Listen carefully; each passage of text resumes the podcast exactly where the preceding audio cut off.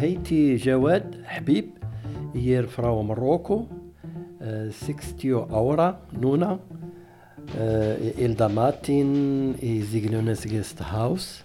Það er engin annar á Íslandi að gera svona tónlist en mér var að hugsa til Bords og Kanada með meira lífurrætni 60 psychedelic áferð. Og stundum myndi þetta mig á það sem þýski raftónlistamæðurinn Ulrik Snás var að gera á plötum eins og A Strangely Isolated Place. Það verið held upp á svona frekar þund kaffi síðan með mjölk eða jafnvel rjóma og, og svo líkilatriði var sigur og maður sér að, að í innflutningsskýrslum svona 1820, 30, 40 það helst í hendur. Í lastinni í dag Suðupotturinn á Siglufyrði, Mukka og Virgin Orkestra og saga kaffidrykju á Íslandi. Ég heiti Lóabjörg Björnstóttir.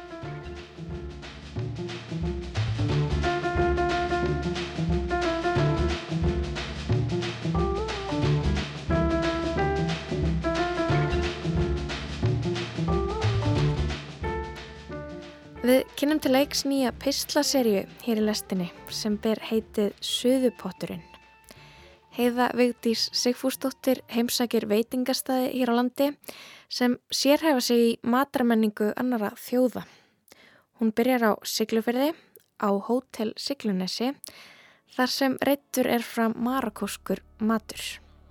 Davíð Róts fjallar um nýja íslenska tónlist, nýjar plötur sveitana Virgin Orkestra og Mukka. Og svo fáum okkur kaffibotla með Má Jónssoni og kynum okkur sögu kaffidrykja á Íslandi. En við ætlum að byrja á tónlist.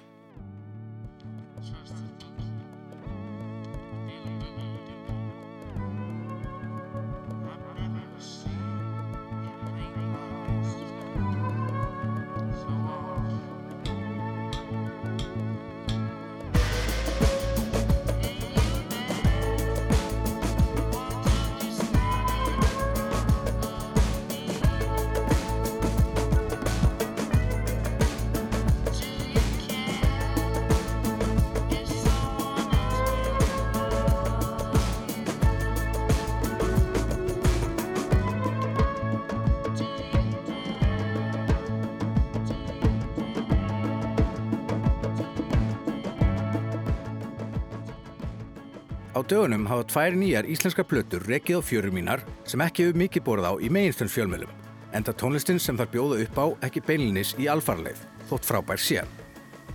Þetta eru Stöttimi nr. 3, þriðja platta rafdúetsins Mukka og Fragments, fyrsta breyðskifa rökk og rocksveitarnar Virgin Orchestra.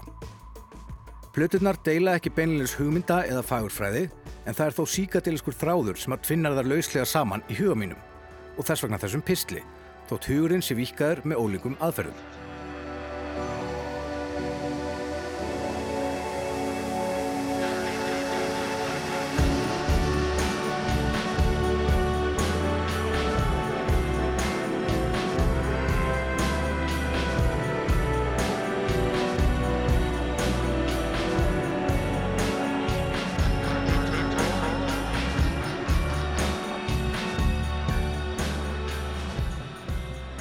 Mukka er duett Kristjóns Hjaltestedt sem var innst í koppur í búri sækadælik sveitarnar Parðar og Guðmundar Óskars sem hefur spilað með sveitum eins og Júniussi Meivand. Þeir gafu út fjörlega epiplutuna Study Fun nr. 1 árið 2018, sexlega skífuna Study You nr. 2 tveimur árum síðar og svo viðamestaverkið Study Me nr. 3 núna 12. mæg. Það er erfitt að skilgrina tónlist mukku en ég myndi segja að hún sé cirka rafræn, lífræn og síkadelisk í öfnum hlutföllum. Það hefur ekki verið rótæk stefnubreiting frá fyrstu útgáfinni, heldur markvis og meðvitu stefna í sömu átt með auknum gæðum og metnaði við hverja útgáfu. Og þeirra síðasta breyðskifa, stötti mínum með þrjú, er hreint útsagt afbræð.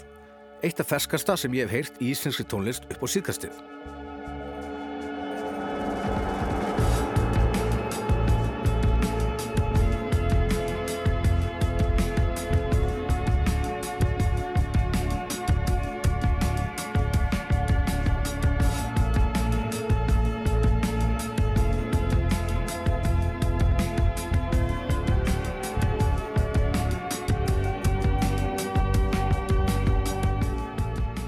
Platan hefst á introlagi sem heitir einfallega Begin skokkandi bassalínu, hörðum trómutakti og hægfljótandi synþarstrengjasúpu sem búblar og flæður upp úr pottinum í þær þrjármíndur sem lægið kræmar sjóðandi heitt. Næsta lag, Sunday Solo Vol 3, er með hugvíkandi sándi og draugalugum söng sem er grafin djúft ofan í mixinu. Það er einhver falen galdur í hljóðþemmi plötunar stöttum í nr. 3 sem liggur undir yfirborðinu og erfittir að lýsa með orðum. Tónlistin er að mestu án áberandi söngs og þræðir þrunga krákustíga á mörgum ráftónlistar og lifandi spilamennsku. Hún er án hefbundina versbrú viðlega struktúrs poplaga en samt líka órafögu frá endurtekningarsamri uppbyggingu taktbundina ráftónlistar. Laugin er einhvern veginn vökvakend og stöður í hreyfingu og það er alltaf exotískir undirströymur í gangi sem þú eru ekki hugmyndum hvert munu taka þau.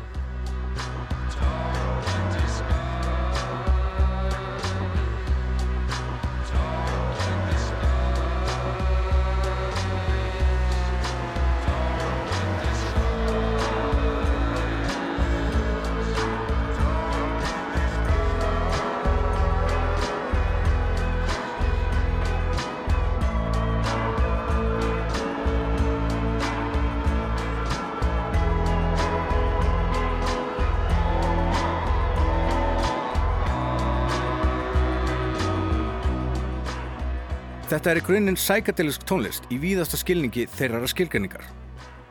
Tempóin eru almennt í hægari kantinum og taktarnir oft í áttuna að hip eða trip-hopi með þungfönguðum og djúsi bakenda ofin í gruggu bassatrómurslag og krispi snerla. Ofan á eru svo endalaust að björntum synthesizerum og leitandi gítalínum sem harmonir að sitta á hvað.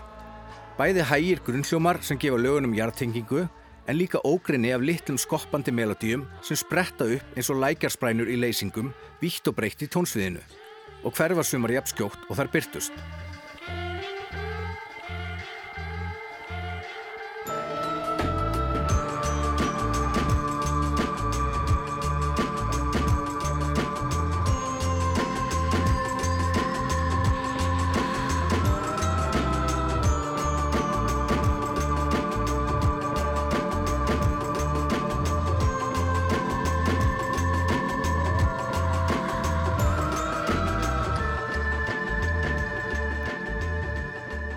Það er engin annar á Íslandi að gera svona tónlist en mér var að hugsa til Bords og Kanada með meira lífurrætni 60 psychedelic áferð.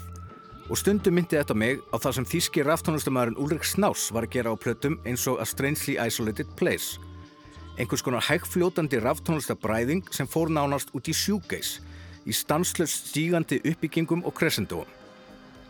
Það er til dæmis að finna suttalega rockkerslu í læginu Bean þar sem trommenda byrja á einföldun takti sem bæti stöðut í eftir því sem líða tekur á lægið, detta niður og byrja svo aftur tví eldar, trekk í trekk.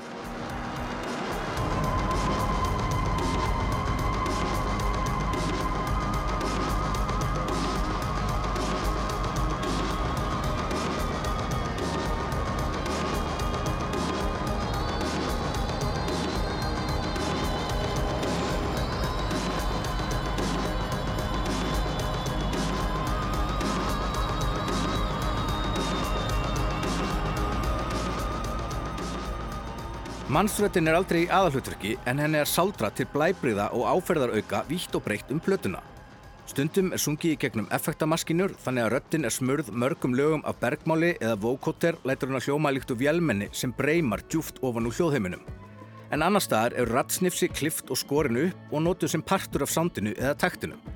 Tækni sem minnir á listamenn eins og Boards of Canada eða Prefuse 73. Þetta er svona tónlist sem á erfitt með að ná til fjöldans því hún seittlar í gegnum mögulega mörskva einfaldara flokkunar. Stötti mín nr. 3 er progressív, tilraunakend og margslungin en á sama tíma vera melodísk og alls ekki óðengengileg og með því besta sem komiður út á Íslandi þar sem af er ári.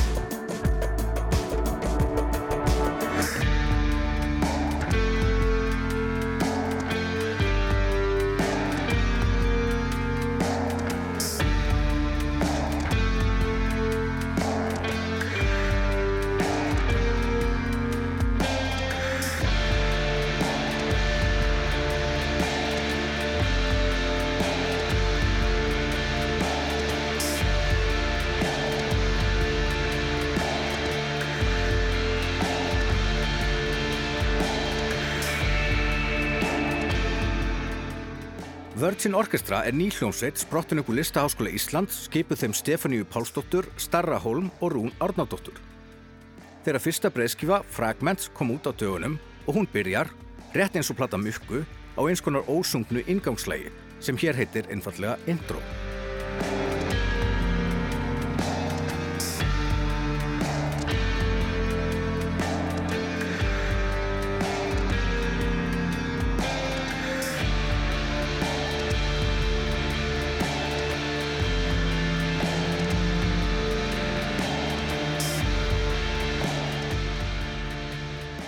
Takturinn er þungur og af hann að hann leggjaðu surgandi ramaskítarhljóma sem reglulega bresta á með viltu rockkjakki og óhljóðamottum, opnum og hvítum háaða í bland við tinklandi barpíjónó. Það er strax ljóst að hér er sótt í töffarlegt síkareturrock og feedback skúltúra sveita eins og Singapore Sling, Velvet Underground, Jesus and Mary Jane og My Bloody Valentine. Anna lagið byrjar á óraðum hljómum án takts áður en loftkend kvenrödd byrjar á óma. Most days I would tell you to fuck right off, syngur hún tilfinningalöst. Most days I don't care about shit like that. Ofan á hefðbundin rockljófarinn fáum við svo tregafullt cello, en Rún Árnádóttur er klassíst mentaður celloleikari og það gefur auka fjöður í annars kunnulegan hljóðheim.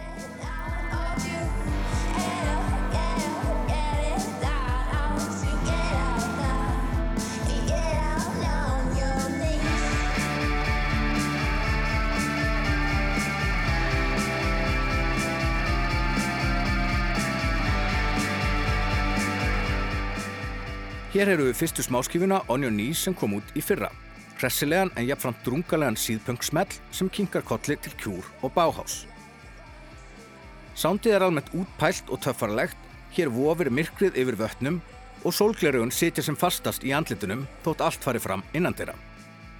Gítarinnir urra og glefsa, trómmunnar slá taktinn mekanist eins og taktmælir, sellóðu surgarnar í kviku og söngurinn er alltaf monotóriskur út í gegn. Þetta eru svalir krakkar og þeim gæti ekki verið meira sama. Við skulum enda þetta á læginu Bond af Fragments með Virgin Orchestra sem byrjar á að var Phil Spectorlugu trommubreiki og mælum heilsugar með þeirri plötu sem og stóti mínumur þrjú með mykku og setjum báðar í fyrsta farimi í lestinni.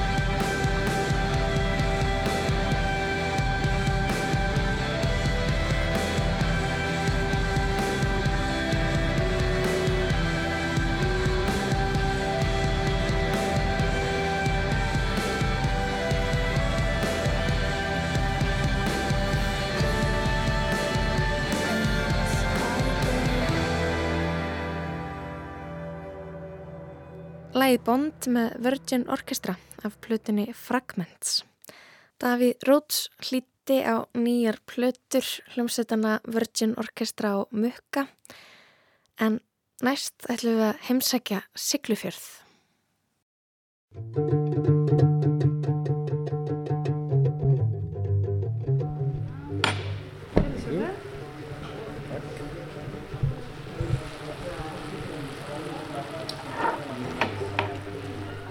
Hvað er á diskniðinum?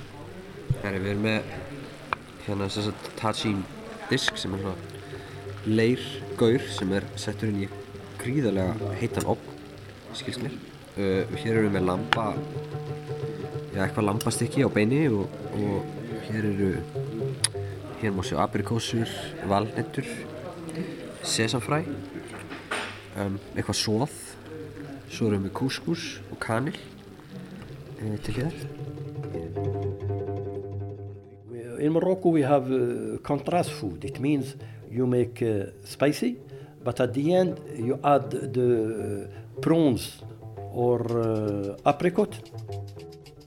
Tæplega 15 af íbúum á Íslandi er af erlendum uppruna. Fyrsta og önnur kynslu innflytjanda telja um 18% þjóðarinnar og hefur hlutfallið aldrei verið herra.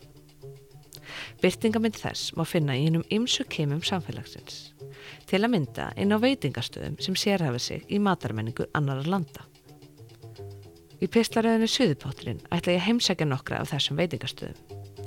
Gæjast inn í það ólíku menningarheima sem finna má á Íslandi í gegnum matselt kokka af erlendum uppruna. Fyrsti bræðheimurinn sem við skoðum er að finna á Hótel Siglunessi á he- ég heiti Jawad Habib, ég er frá Marokko, uh, 60 ára núna, uh, í elda matinn í Ziglunes Guest House and uh, uh, Moroccan, Moroccan uh, matinn líka Mediterranean, inspired from, from Mediterranean uh, uh, and ég er hérna uh,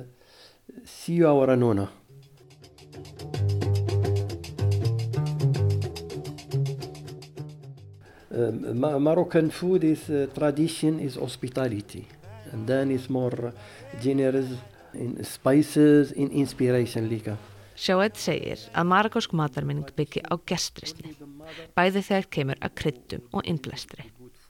Samkvæmt hefðinni er það fjölskyldumóðurinn sem eldar góðan mat því hún vinnur heima og stjórnar eldúsinu. Hún kennir dóttur sinni svo að elda sem tekur listina með sér áfram á næsta heimili. Hefðin segir líka að geti hún ekki eldað sé hún ekki gott hvernmannsefni. Also the secret is uh, the spices. Annað lendarmálið að marakóskri matagerð segir sjáið vera kryddin. Þar séu notuð krydd sem reka megi beint til Marokko eins og safran, í bland við krydd hérðan og þaðan. We have some spices in Morocco like saffron. Saffron is uh, fabulous, and also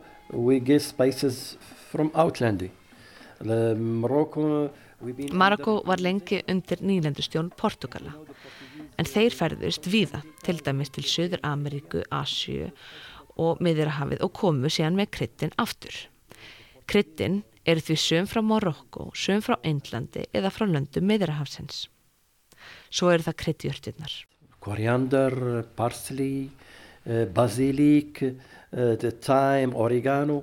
All those things goes to the food, to the Moroccan pastry, and to the uh, hospitality. Allt þetta blandast saman við marakóska matagerð og gestrisnina auðvitað. En hvað kom til að þú Já. að kokka? Co- uh, uh, experience. Uh, b- byrjat vinna í hotellinu uh, uh, 19 uh, uh, 89. Sjáett byrjaði að elda innan hótelbrandsans þar sem að hann hefur verið í yfir 34 ár. Fyrst í Marokko og síðan 7 ár á Íslandi. Hann byrjaði ungur í háskólanámi í heimsbyggi og sagnfræði en breytti svo yfir í hótelskóla sem gaf uh, meiri atvinnumöðlega. Loks hóf Sjáett störf í mótöku hótels í Marokko. I start by reception, then I pass as a waiter Hann back hverjum krók og kema hótelsins, byrjaði í móttökunni, vann sem barþjótt, þjótt og einhvern tímapunkti staldraði hann við og ákvað að færa sig yfir í eldhúsið.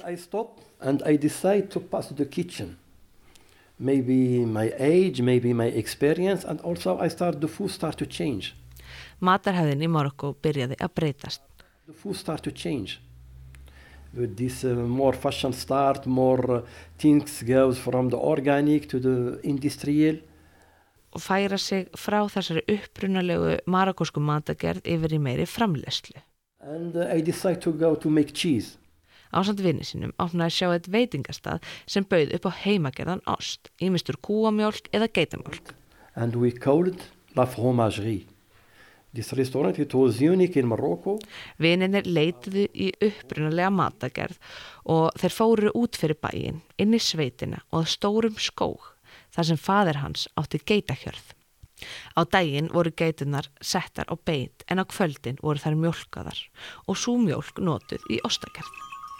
And we try to make also the original food. It means to make uh, goat tagine with the fruit of the season, like uh, like the, the queen's queen's apple. Is, Á not in veitingastæðanum summer. sérhæðu þeir sig einnig í ástíðabundinni matagerð. Framreitu geita tashin með ástíðabundum ávöxtum. En tashin er hefbundin markosk matargerð og samheiti yfir leirpott.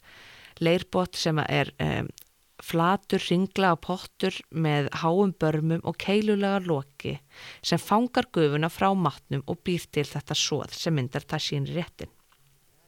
Í pottinum er ólík krydd látin matla saman við innihaldið sem er eh, lamb, fiskur, grammiti nú eða geitakjöt. Við háan heita síður innihaldið. Kryddlegurinn stígur upp og þjættist innan í keilulagar lokinu þar til vökvinn drýpur niður og myndar þessa töfrakendu samsuðu. We, in Morocco, we have uh, contrast food. It means you make uh, spicy, but at the end you add the prawns or uh. Marakósk matargerð mótast af andstæðum, útskýrir sjáett. Það er bræðsterkur matur eða spæsi matur, blandaður saman og síðan eitthvað sætt bætti við í lokin að borðu sveskur eða aprikósur. Uh, for sometimes I change. I do orange juice. With orange juice are more tasty, add more, uh, and also chicken with uh, sweet onion. Stundum breytir hann til, setur appelsinusafa, kjúkling með sætum lauk og viðbættum kuskus, laukur með rúsinum eða, eða bara einhverju sætu bætt við. Og líka með fisk, mjög spæsi fiskur með einhverju Very, very spa- spicy, and uh, we make it with spicy. Að lokum spurði ég sjáuð hvað honum þætti um íslenska matagerð. I know because in the north of uh, Europe, like in Iceland, the spices uh, must come late, and also vegetables.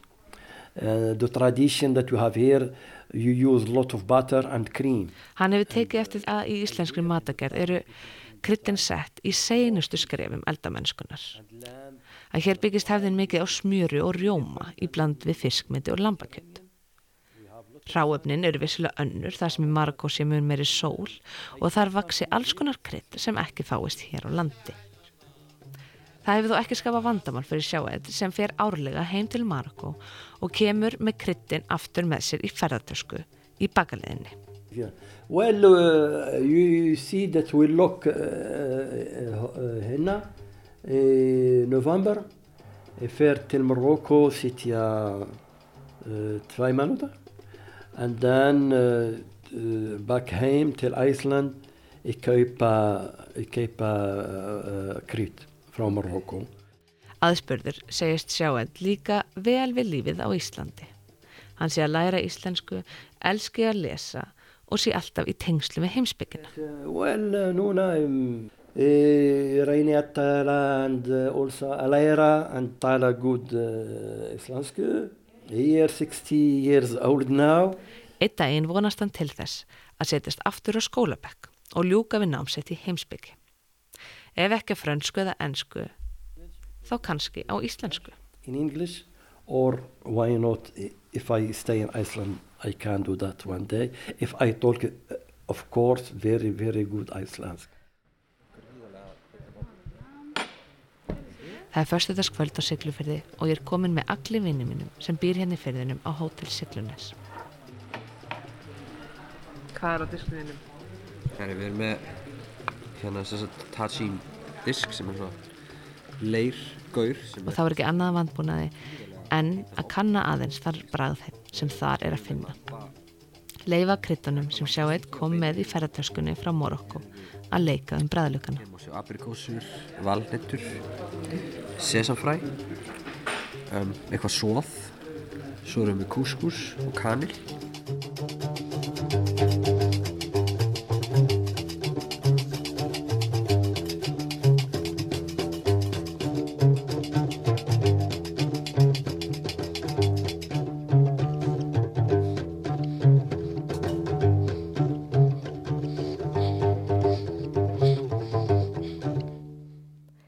Heiða Vigdís Sigfúrsdóttir heimsótti Hótel Siglunes og rætti við kokkin Shawat Habib. En nú fáum við okkur kaffi.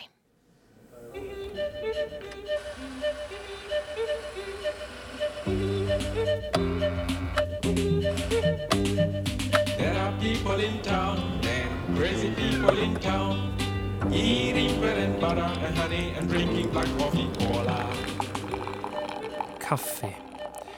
Það er fátt betra en að byrja daginn á sjóð heitum kaffibotla. Reyndar eiginlega alveg nöðsynlegt. Ég stend með svefnbólgin augun við kaffivélina hérna í útashúsun í efstaleiti og dásama svarta gullið sem ég er svo háður. Steini, vinnu minn sem vinnur á smíðaverstaðinu á Rúf, tekur undir og byrjar að spekulur um líf Íslandinga áður en þeir byrjuðu að drekka þetta töfra lif. ég meina landnámsmenn voru þeir bara koffínlausir bara í öllu þessu brasi og vesinni bara ekki að fá neitt koffín úr neinu eða neitt örvendur úr neinu. Voru þeir að tekja kerfil eða voru þeir að þú veist, naga eitthvað rætur eða ég, ég veit það ekki skilur sveppir með koffíni, getur það verið? Örvandi eitthvað dæmi, spýtt sveppir. Úf, já maður, uh, góð spurning, ég bara hef eiginlega aldrei velt þessu fyrir mér. Og hann heldur áfram. og hvenar byrja svo Íslandingar að drekka kaffi? Þú veist, foreldrar mínir eru með minningar um að epli séu bara munaðvar sem koma einu svona á ári um jólin. En samt einhvern veginn upplifir maður að það sé búið að vera hérna að mala söður-amerískar bönir til að peppa sig bara frá öru, öru við alda. Sem er mjög galið í reyn sko. Já, frekar galið, ég bara veit ekki hvernig byrjuðu Íslandingar að drekka kaffi. Já, allavega einhvern tíma fyrir 1900 myndi ég halda, ég man allavega eftir alls konar kaffisenum í skáldsögum sem gerast í íslenskum sveitum einhvern tíðan í kringum og fyrir aldamót, ég hugsa um fjallabensa í aðvendu eftir Gunnar Gunnarsson. Ég man þetta senni, hann er að leita síðustu eftirlegu kindinni og þarf að leita skjóls í snjóhúsi en hann er með kaffi með sér og ég man ekki hvernig hann orðar þetta en einhvern veginn á þá leið að þú hafir ekki bræða kaffi fyrir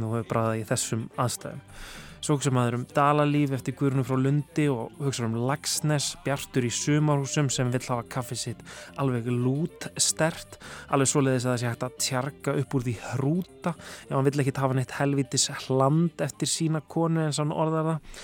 En þetta er svona allt sögur sem gerast í upphafi eða á fyrirluta 20. aldar og í huganum þá bara kemst ég ekkert mikið nær þessum. En eftir að ég sest aftur við skrifborum mitt þá byrja ég að leita á Google.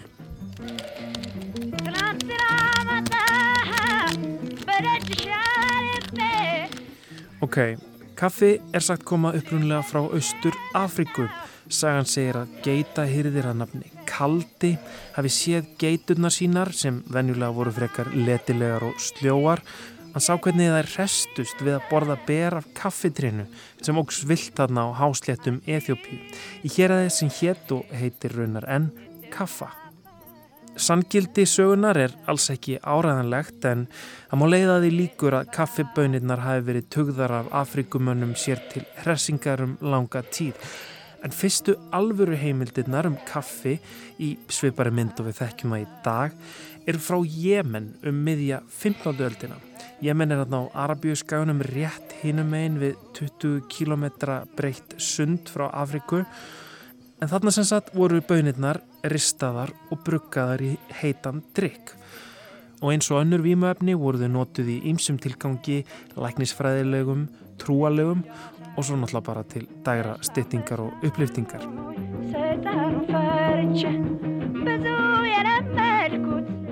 Kaffið kom fyrst til Evrópu á 16. öld meðal annars með tyrkneskum muslimum sem hefur verið hreftir í þrælahald af krossförum en svo var það líka fenearbúar sem átti miklum viðskiptum við Tyrki og Araba og þeir byrjuði að södra kaffi í öll mál. Einmitt þar í feneum var fyrsta kaffihúsið opnað árið 1645 og tískan breytist smám saman um alla álfuna. Það var engin alvöru heimsborgari nema að hafa bragðað kaffi. En já, við vorum að tala um Ísland, saga kaffis á Íslandi. Google vísar mér auðvitað veginn, það vísar á sagfræðing við Háskóla Íslands. Auðvitað hefur einhver rannsakað þessa sögu. Ég bruna því niður í háskóla, en fyrst einn örsnöggur kaffi til að taka með.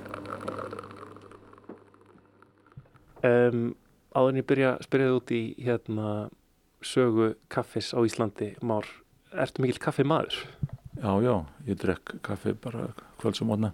Hveldur þú drekki marga boll á dag? Ég, ég veit ekki, en ég er með eigin, ég mala, mala sjálfur, kaupi bönir og hef sem dýrastar og, og neina, svona þrjá, fjóra, fimm bolla eftir svona að, aðstæðum, sko. Þetta er Mári Jónsson, sagfræðingur, hann hefur grafið upp heimildir um kaffidrykju Íslendinga, bæði í brefum og dánarbúum.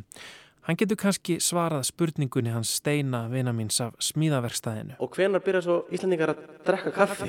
Já, svona það sem við vitum nákvæmlega, það sem ég hef séð er bref frá 1703 þar sem að Lárus Gottrup sem var lögmaður hér og dómar á alþingi sendir Árna Magnúsinni, handreitasafnar og profesor hálft pund eða eitthvað álíka 100-200 gram af, af kaffi frá þingjörum í skálhald og þá hafði það gerst að, að þeir eru hystum sömarið og, og átni kvartað undan því að hann hafði ekki fengið kaffi sendt um vorið frá Kaupmannöfn þannig að átni bjóði Kaupmannöfn frá 1683 og það er akkurat þá sem uh, kaffi er, er svona að koma til Kaupmannhafnar svona 1680-90 svo var hann í Þýskalandi og þar er kaffi er semst að breyðast út allir með Evrópu 1650, 60, 70, 80 og þannig að hann hefur semst greinilega vanist í að drekka þetta en auðvitað í mjög miklu minna mæli heldur en, heldur en nú er gert og þetta er svona það elsta sko það það er vel hugsanlegt að, að Þórður Þorlóksson biskup eða Jón Vítar en einhverjir hafi sem, sagt, sem hafa voru í kaupanöfn og læriðir menn og svona áhuga menn um mat og nýjungar hafi sem sagt keft svona, panta þetta en það, ég hef ekki séð það, séð það ennþá sko. En ok, fíningæjar íslenskir heimsborgarar eru farnir að drekka kaffi þarna um aldamótin 1700 en hvað með almenning, íslensku bændunar breytist þetta fljótt út til þeirra eða hvernig gerist það? Nei, nei, alls ekki fljótt.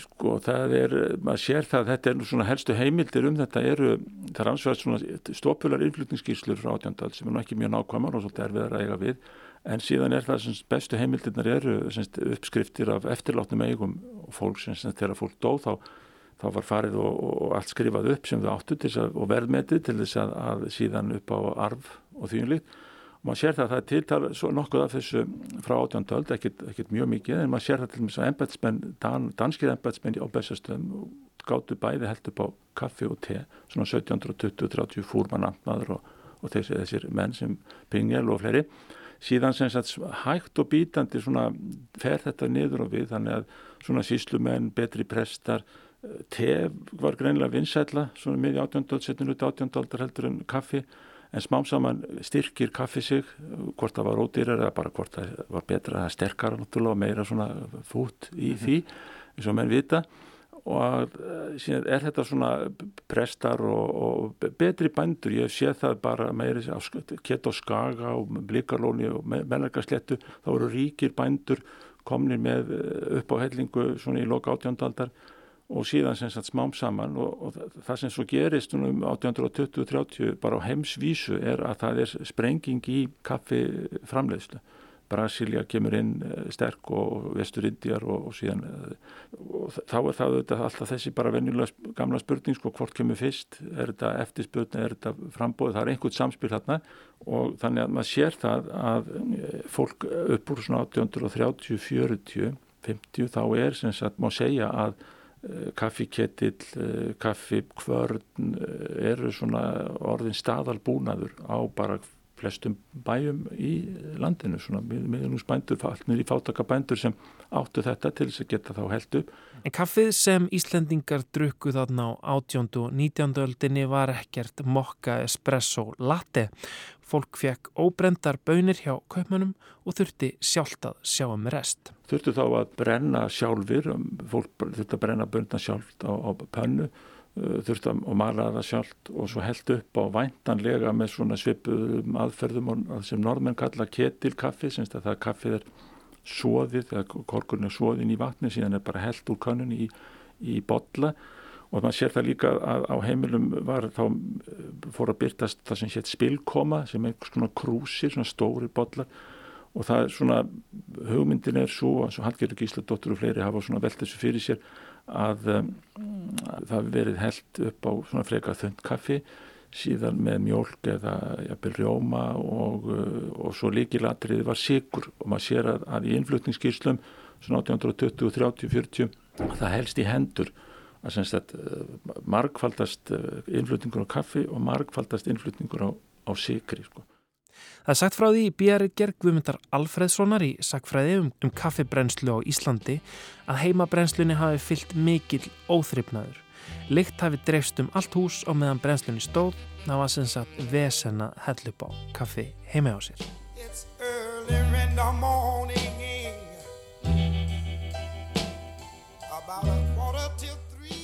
Já, það var vesen að hell upp á kaffi heima hjá sér og því miklu einfaldar að fara á kaffihús. Því stundum haldið fram að kaffi hafi skapað nútíman, kannski ekki beint drikkurinn sjálfur, en með kaffihúsunum þar sem ólíkt fólk hittist og rappaði saman yfir kaffibotla hafi orðið til hinn fyrsti eiginlegi opinberi vettvangur.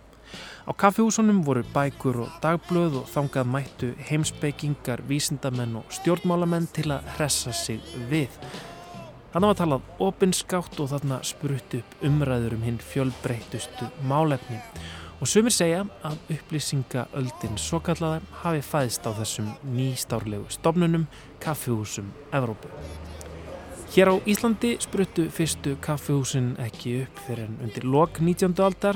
Upp úr 1850 höfður hendar nokkrar konur fengið leifi til að selja kaffi og kökur á heimilum sínum en árið 1886 opnaði fyrsta kaffihúsið, Kaffi Hermes. Fleiri fylgdu í kjölfarið og auglistu kaffi, súkulaði, límonaði, kvítul, vindla og kökur.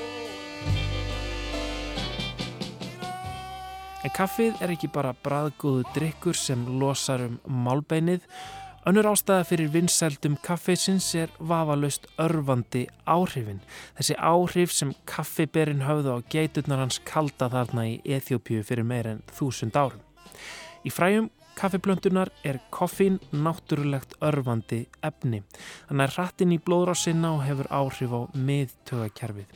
En eins og segir á vefsíðinni doktor.is þá verkar það á blóðrásinna þannig að æðarnar vika út hjartsláttur verður tíðari og blóðflæði ekst til allra lífæra.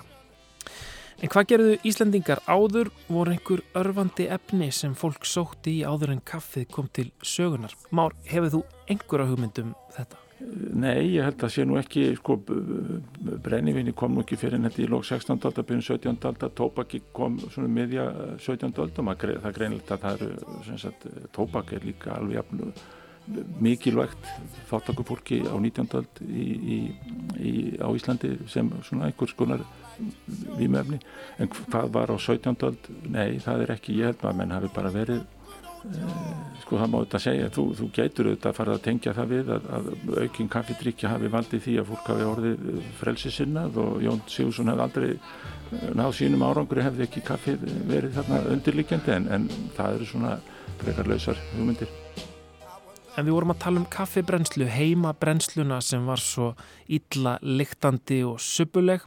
Á þriði áratugnum voru fyrstu kaffibrennsluðnar stopnaðar í Reykjavík og á Akureyri og flestar seldu þær svonemt Ríó kaffi. Eins og namni gefið til kynna, innflutt frá Brasilíu en helsta útflutningshöfnin þar í landi var í borginni Ríó. Það ganga sögursagnir viss og skelvilega diggjað fólkið þyrpist frumuð lostið út á tónleik því það er kaffilust í Brasilíu.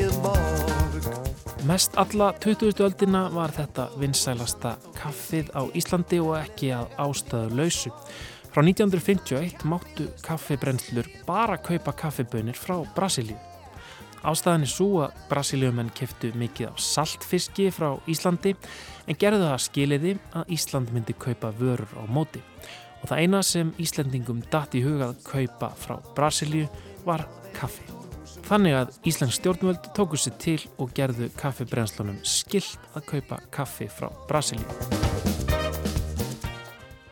Lengi framanna var kaffi dýrt, það var luxusvara og reynd var að drýja það með ímsu móti. Helst var notaður svo kallar kaffibætir sem var framleitur úr rót síkori jurtarinnar sem var brend og möluð. Heilstöng, duft eða tabla af kaffibæti var mölin í uppáhællingin til að bæta kaffið, ég hef allavega dekja laftund kaffið og láta það líta út fyrir að vera bragð sterkara.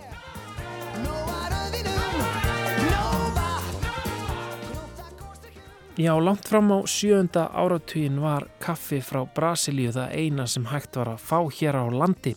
En árið 1967 hafði sala á saltfiski til Brasilíu mingað verulega svo að stjórnvöld sá ekki lengur tilgangi að takmarka innflutning á kaffi. Þá farið að bjóða upp á blöndur með kaffitegundum frá hennum ímsu heimsálum. Með yngungu Íslands í EFTA var Íslandingum svo skilt að fella niður höft og totla vörum frá Evrópu og þá streymdu erlendar kaffitegundir til landsins. Merrild og Gevalia sló í gegn en það voru þær ódýrari en íslensku vörurnar. Og við þessu brúðust íslensku kaffibrænslunar með því að setja á markaðin tegundir sem héttu erlendum nöfnum líkt og Diletto og Rúbin. Já, á undarförnum árum hefur kaffi menningin á Íslandi breyst til muna. Það eru sælkera kaffihús á hverju horni og fólk er jáfnvel afturbyrjað að brenna og mala sínar eigin bönir. Reykjavík er komin á lista yfir þær borgir sem er best fyrir kaffi unnendur í heiminum. Black coffee Loves a hand me down Já, þetta er áhugaverð saga, saga kaffi sinns á Íslandi. Ég er eiginlega orðin bara svolítið þistur að þessu öllu. Ég ætla að stökka fram og hella mér upp á einn kaffi viðbót. Er of sett að fá sér kaffi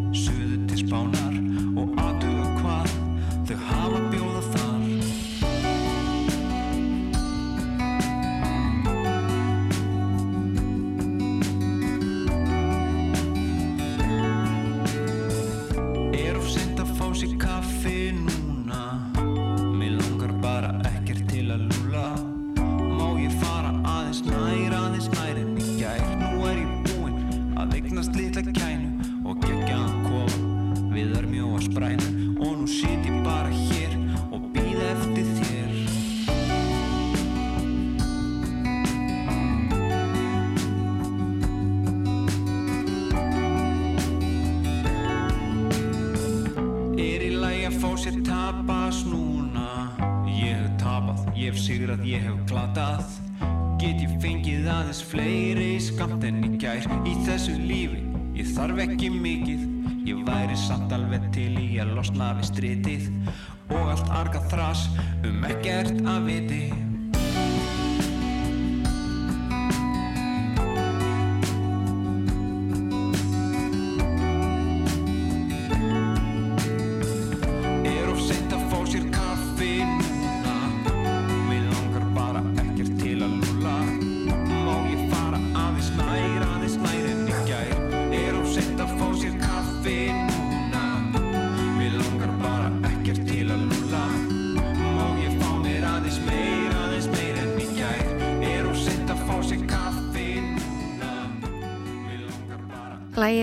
er of seint að fá sér kaffi núna með prins Pólo. Kristján Guðansson kynnti sér sögu kaffidrykju, rætti við sagfræðingin Má Jónsson. Þetta er einslag sem var fyrst flutt í lastinni árið 2019. En það var lastin komin að leðalokum í dag. Ég heiti Lofabjörg Björnsdóttir og þakka samvildina. Tæknumæður var Lítiða Gretastóttir. Verðið sæl.